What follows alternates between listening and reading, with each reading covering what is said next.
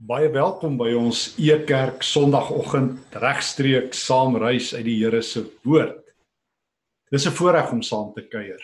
Uh baie welkom. Baie mense reg oor die wêreld kyk saam. Uh een persoon se plek is vanoggend leeg wat elke Sondag saam met ons kyk.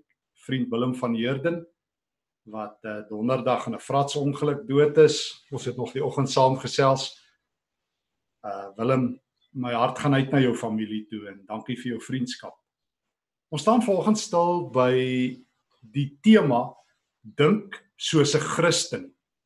Dit is so dat ons in die kerk meer belangstel in die hart as in die kop. En dit is ook reg. Ons gee graag ons harte vir die Here. Ons nooi graag die Here in ons harte in. Maar so op 'n manier het dit so algaande begin gebeur in die kerk verskoon is maar net 'n vliegtyg wat oorvlieg dat ons koppe privaat eiendom bly. Dat min kere indien ooit ons hoor dat jy jou denke, jou gedagtes vir die Here moet gee. En wat met baie Christene gebeur is presies wat Paulus bekommer in die Efesiërbrief. Hy skryf in Efesiërs 4. Hy sê in die naam uh, dis vers 17, Efesiërs 4:17. In die naam van die Here doen ek 'n ernstige beroep op julle. Moenie langer soos heidene lewe nie. Hulle gedagtes lei tot niks. Hulle verstand is verduister. En dan sê hy in vers 23 hier in Efesiërs 4: Julle gees en julle gedagtes moet nuut word. 'n Christen kort 'n nuwe denkstelsel. Weet jy een van die woorde wat vir bekering gebruik word wat ons Here Jesus gebruik in Markus 1 vers 15 wanneer Markus vir ons Here Jesus aanhaal is daardie woorde bekeer julle want die koninkryk van God het naby gekom. En dan is daardie Griekse woord metanoiein of metanoia die naamwoord beteken in 'n letterlike sin jy kort 'n nuwe denkstruktuur. Dink nuut dink anders. Dink vars. En dit is die groot uitdaging ook vir ons vandag. Want as jy nie 'n nuwe denkstelsel het nie, gaan jy met twee denkstelsels opgeskeep sit. En as jy my vra, dink ek is dit die grootste probleem met baie Christene. En hoekom baie Christene sukkel om geestelik te groei enerzijds en tweedens sukkel om in konkrete situasies wanneer hulle keuses moet maak die roete van Christus elke keer kies. Want ons sit met twee denkstelsels ek onthou in die ou dae jy sal onthou toe ons nog videospelers gehad het het ons nog hierdie beta en VHS tapes gehad. En hierdie tapes het baie keer as hulle oud word so onthou jy so 'n dubbelbeeld gehad so 'n spookbeeld gehad een wat oor die ander een speel. En dit gebeur met baie Christene En ek kom dit baie keer agter. Ek vra altyd vir Christene. As hulle sê nou maar dink oor hoe werk God se wil of as hulle praat oor ehm um, hoe lyk sonde, dan kom ek agter hulle twee denkstelsels in hulle kop. En dit is presies wat Paulus sê. Jy moet leer om te dink soos 'n Christen. Dit gebeur nie sommer net van self nie. Hoor nou, Romeine 12. Want ons gaan vanoggend net saam met mekaar vir 'n oomblik stil staan by die basiese wat Paulus aanspreek van 'n Christelike denkstelsel. Hoe dink jy soos 'n Christen? So jy gaan nie vanoggend iets hoor wat jy moet gaan doen. Ehm um, gaan doen dit of gaan wees so nie, maar jy gaan die moeilikste ooit hoor uit God se woord. Leer om anders, om nuut, om vars te dink. Romeine hoofstuk 12. Ek lees vir jou daai baie bekende woorde. Waar Paulus in vers 1 sê, Ek doen nou 'n beroep op julle broers en susters op grond van die groot ontferminge van God. Gee julleself aan God as lewende en heilige offers wat vir hom aanneemlik is. Vers 2 is eintlik die belangrike waarby ek wil uitkom. Julle moenie aan hierdie wêreld gelyk word nie, maar laat God julle verander deur julle denke te vernuwe. Laat God julle verander deur julle denke te vernuwe. Dan sal julle kan onderskei wat die wil van God is wat vir hom goed en aanneemlik en volmaak is. Paulus gee 'n opdrag. As jy God wil ken, kort jy 'n nuwe denkstruktuur. Jy moet soos 'n Christen dink. Jy kort 'n opgradering. Soos jou rekenaar opgradering kort, jou selfoon 'n opgradering kort, kort jou kop 'n nuwe opgradering. Jy kan nie twee denkstrukture in jou kop gelyk hê nie. Jy kan nie soos enige Christen en mense van die wêreld dink nie. So as jy die wil van God wil onderskei, moet jy anders dink. Dit help veel jy gee jou hart vir die Here, maar noord van jou hart is privaat besit. Dit help veel jy jy jy gee net 'n transaksie jou lewe vir die Here of jy nooi Jesus in jou hart in, maar jy laat nie toe dat Jesus jou denke verander. En baie Christene soos ek gesê het wat ek ken, is lewenslank gestrand omdat niemand hulle gehelp het en niemand hulle geleer het om 'n Christelike denkstruktuur baas te raak. Nou, hoe laat ek toe dat God my denke vernuwe? Wat is die ABC van 'n Christelike denkstruktuur? Ek bly jy het gevra. Romeine hoofstuk 6. Romeine hoofstuk 6 deel Paulus die essensie, vliegtye vlieg alweer. Die essensie van 'n Christelike denkstruktuur. Hy sê en hy gebruik twee woorde in die Grieks om dit mee te verduidelik. En ek wil dit graag saam met jou deel, die twee woorde. Eersteen, ehm um, saam met in Grieks is dit een woord, maar in Afrikaans nou twee woorde. En die tweede woord uh in saam met en in. Paulus verander Christene se denkstruktuur deur die werk van die Here deur vir Christene te leer hulle is eerstens saam met Christus het iets gebeur. En as gevolg van die saam met is hulle nou in. En as jy dink dit is nie lewensbelangrik en lewensveranderend nie. Paulus gebruik die die terme dat ons saam met Christus iets ge, iets met ons gebeur het um 40 keer in sy briewe. En die uitdrukking in Christus en in die Here onderskeidelik 83 kere So en dan nog 47 keer. So by die uh ver oor 150 keer gebruik Paulus hierdie uitdrukking om Christene te help om hulle denke te verander. Kom ons gaan kyk, laat ek nie in hierdie gliewe praat nie. Romeine 6 vers 1. Wat sal ons hiervan sê? Moet ons nou aanhou sonde doen sodat die genade meer kan word? Beslis nie, roep Paulus dit uit. Hoe kan ons daarin voortlewe? Of weet julle nie dat ons almal wat in Christus gedoop is.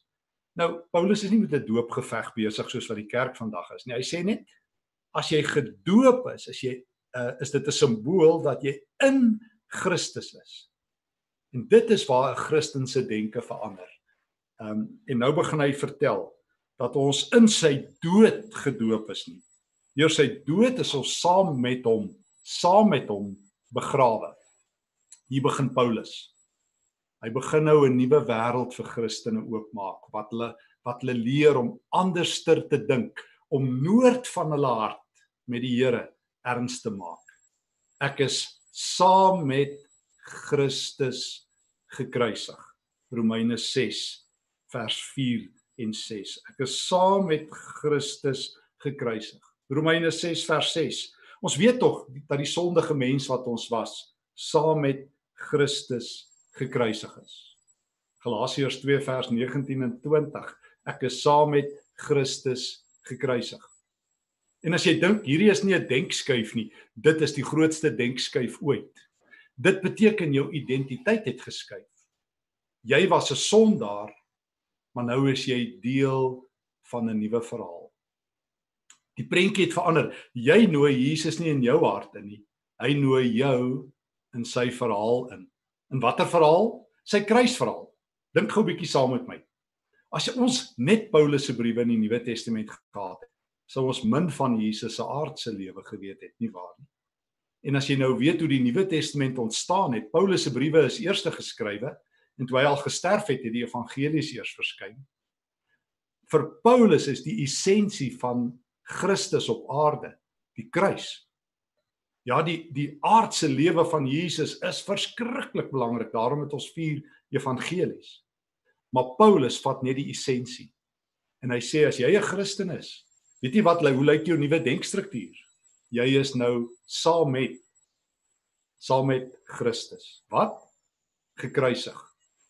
Saam met hom is jy aan die kruis dood. Hy sê in Romeine 6 ons het saam met hom gesterf. Vers 8. So ek is saam met Christus gekruisig, saam met hom gesterf en saam met hom begrawe. So waar begin my geskiedenis as ek 'n Christen is? By Christus. Nou, ek onthou baie mense net om die punt te maak hoe min uh hoe belangrik dit is dat jy en ek as Christene dit moet deel maak van ons denkstruktuur. Want dis waaroor dit volgens gaan. Jy moet dink soos 'n Christen. En weet jy hoe dink 'n Christen? As iemand jou vra wie is jy, dan sê jy ek is saam met Christus gekruisig. Ek is saam met hom begrawe en ek het saam met hom opgestaan in 'n nuwe lewe. So weet jy wie is ek? Ek is 'n gekruisigde. Dit is wie Stefan is en dis wie jy is as jy in Jesus glo. Ons het gewoond geraak in die kerk om eintlik maar net vir mekaar te sê Jesus het vir my sondes gesterwe. Weet jy die Nuwe Testament sê dit baie meer genuanceerd. En dis omdat ons die Nuwe Testament 'n bietjie slordig lees dat dit eintlik al is wat ons oor die kruis sê. Jy weet Jesus het vir my sondes gesterwe. Moenie my verkeerd verstaan nie, dis reg. Maar 'n Christen dink dieper. En 'n Christen word vernuwe Romeine 12 vers 2 laat toe dat God julle denke vernuwe. Waarna toe? Wel dink beter oor die kruis. Dink dieper oor die kruis. Saam met dit is wie ek nou is. Ek is 'n saam met mens. Saam met Christus gekruisig. Saam met hom dood. En saam met hom opgewek in 'n nuwe lewe. Dit is wie ek is. Paulus verstaan dit. Daarom sê hy vir die Korintiërs daar in 1 Korintiërs 2 vers 1: Ek het my voorgenem om onder julle niks te wees en te praat nie as Christus en hom as die gekruisigde. Paulus se lewe is 'n saam met Christus lewe. Ek het Jesus se geskiedenis deelagtig geword. Toe hy daar aan die kruis gehang het, as jy wil weet wie's ek, ek het daar saam gehang. Hy het hierdie ou sondige mens gevat en hy plekke geruil. Hy het gesê, "Stefan, kan ek met jou plek ruil? Kan jy saam met my gekruisig word?" En daar is ek gekruisig. En daar het die weerligstrale wat vir die sonde bedoel is my opgetref. En daar is ek dood. En daar het ek opgestaan in 'n nuwe lewe. Nou vra Paulus vir die Romeine, weet julle dit nie? Dat jy nou dood is vir die sonde? Dis waaroor Romeine 6 gaan. Jy's 'n nuwe mens. Julle denkstruktuur is nog verkeerd. As jy nog die hele tyd in die sonde rond lê. As jy die hele tyd nou nog leef soos jy wil, dan verstaan jy nie dat jy saam met Christus gekruisig is nie. Saam met Christus gekruisig, saam met hom dood, saam met hom in die graf en saam met hom opgewek. Een van die ou um, Hollandse teoloë het dit baie goed verstaan. Ek onthou hulle het op 'n keer vir hom gevra, nou van watter familie af kom jy? soos die mense maar vra, van watter Joubers is jy of van watter Botas is jy of van watter Engelbregts is jy? Toe hulle van my so 'n soort vraag vra, sê nee, ek is die Christus Joubers. By wyse van spreuke. Toe sê hulle nou, hoe bedoel jy? As jy weet jy my familie gaan terug tot by die kruis. Ek is 'n saam met mens. Saam met Christus gekruisig, saam met hom dood, saam met hom opgewek. Daarom Galasiërs 2. Ek moet dit tog nou maar net lees want dit is net super aangrypend. Vers 20. Ek is dood sodat ek net uh, vers 19 vir die wet dood sodat ek vir God, uh, vir God kan lewe. Ek is saam met Christus gekruisig. En nou is dit nie meer ek wat lewe nie, maar Christus wat in my lewe. Dis Paulus se identiteit. En daarom is daar 'n tweede woord. So ons is besig om volgens te leer hoe dink 'n Christen. Weet jy hoe dink 'n Christen? deur Jesus, deur die kruis. Ek sê nie net Jesus het vir my sondes gesterf nie. Ek sê, weet jy wat? Toe hy daar gehang het, het ek het Stefan ook daar gehang. Toe hy daar dood is, het ek ook my asem uitgeblaas. En toe hy daar opgestaan het, het ek ook opgestaan. Dis hoekom die vroeë kerk nie so bang was vir die dood soos jy en ek nie. Dis hoekom die vroeë kerk nie so bang was vir moeilikheid soos wat ons is nie. Want hulle sê ek het klaar gesterwe. Ek is 'n dead man walking.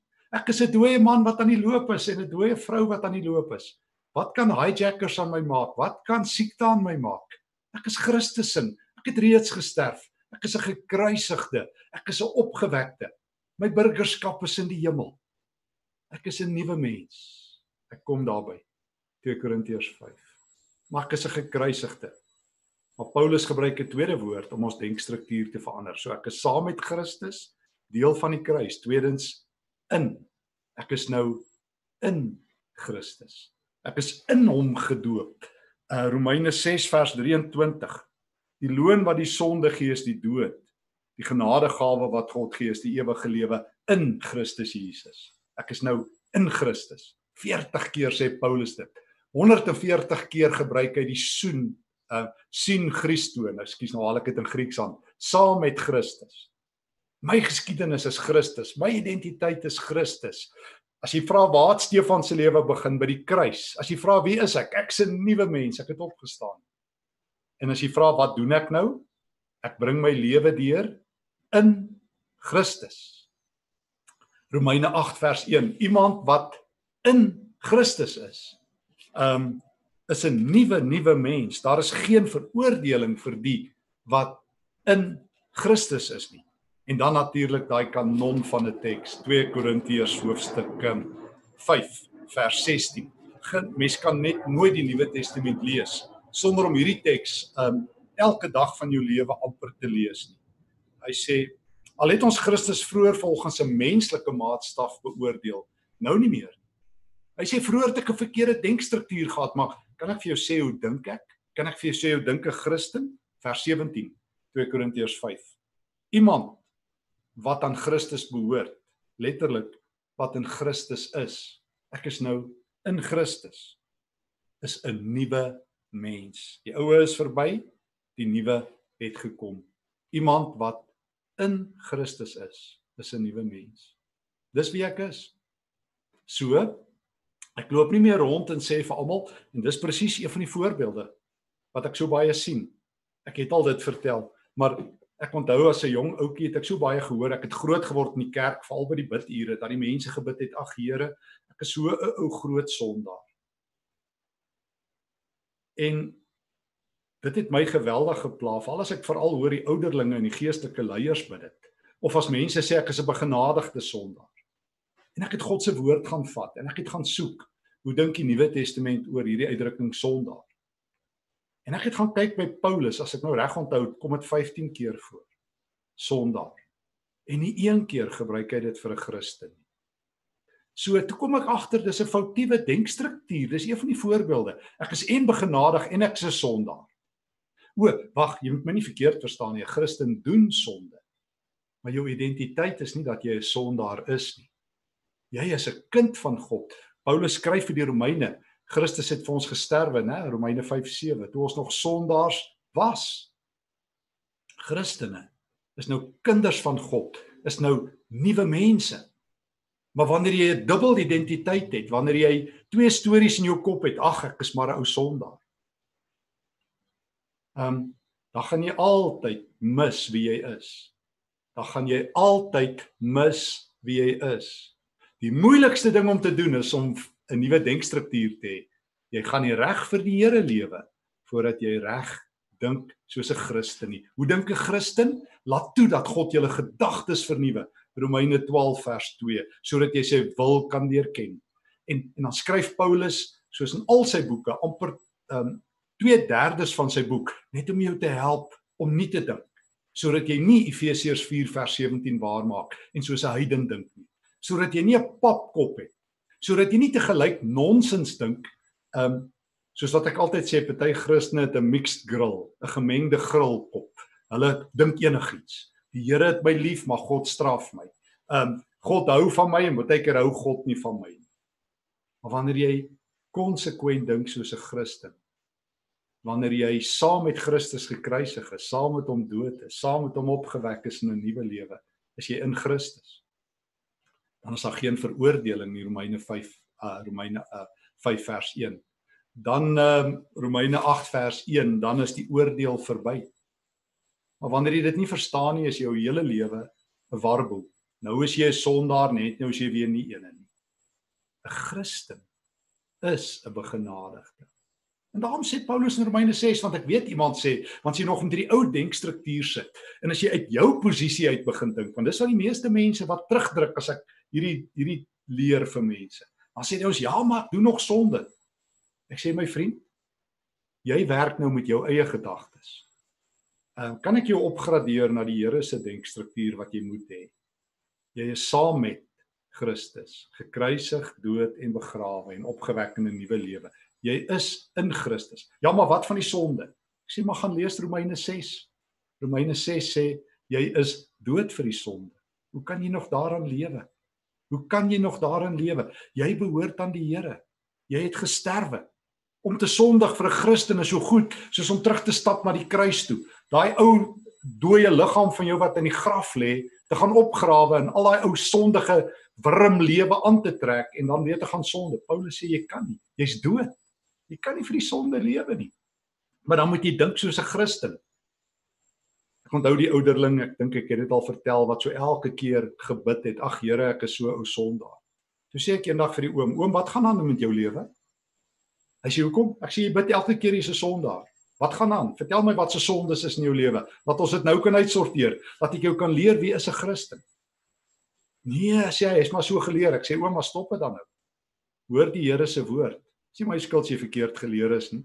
Dis my roeping voor God om jou reg te leer, om myself reg te leer, om soos 'n Christen te dink. En hoe dink 'n Christen? Ehm um, Romeine 6. Ek is saam met Christus gekruisig. Ek is dood vir die sonde.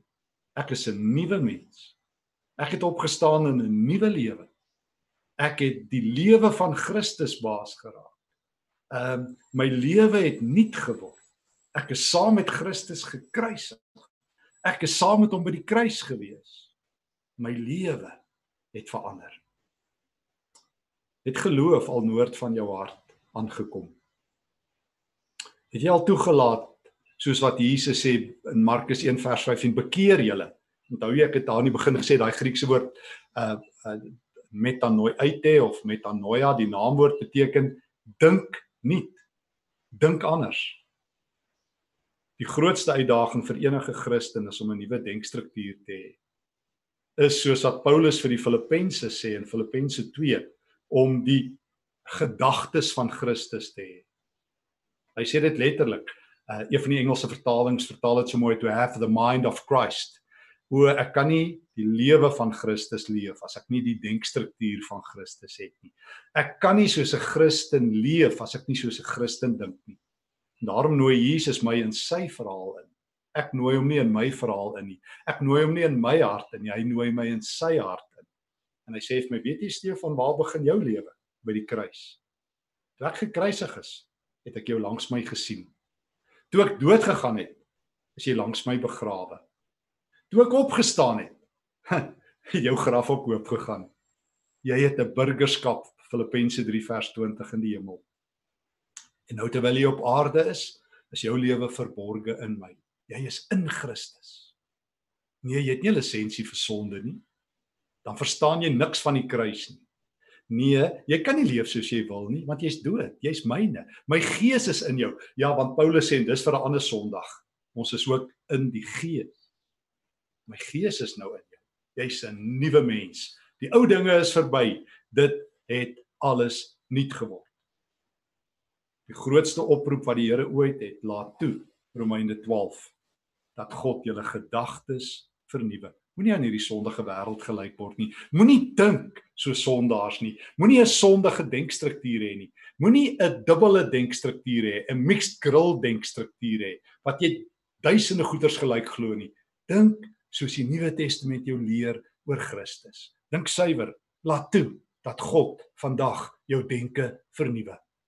Laat toe dat die Here jou denke vernuwe. Hoor wat sê Paulus, dan sal jy kan onderskei wat die wil van God is, wat vir hom goed en mooi en heilig en aanneemlik is. Hoor die Here se woord. Amen. Kom ons bid. Here gee vir my 'n nuwe kop my kop het bietjie pap geraak. Ek dink partykeer duisende goeters soos 'n Christen nie moet dink nie. Boonbehalwe sonde, Here, dink ek sommer 'n klomp vreemde dinge. Leer my om konsekwent te dink soos wat die Heilige Gees my lei. Mag ek vra Here Jesus dat U Heilige Gees my leermeester sal word wat my in die volle waarheid sal lei in Jesus se naam. Amen.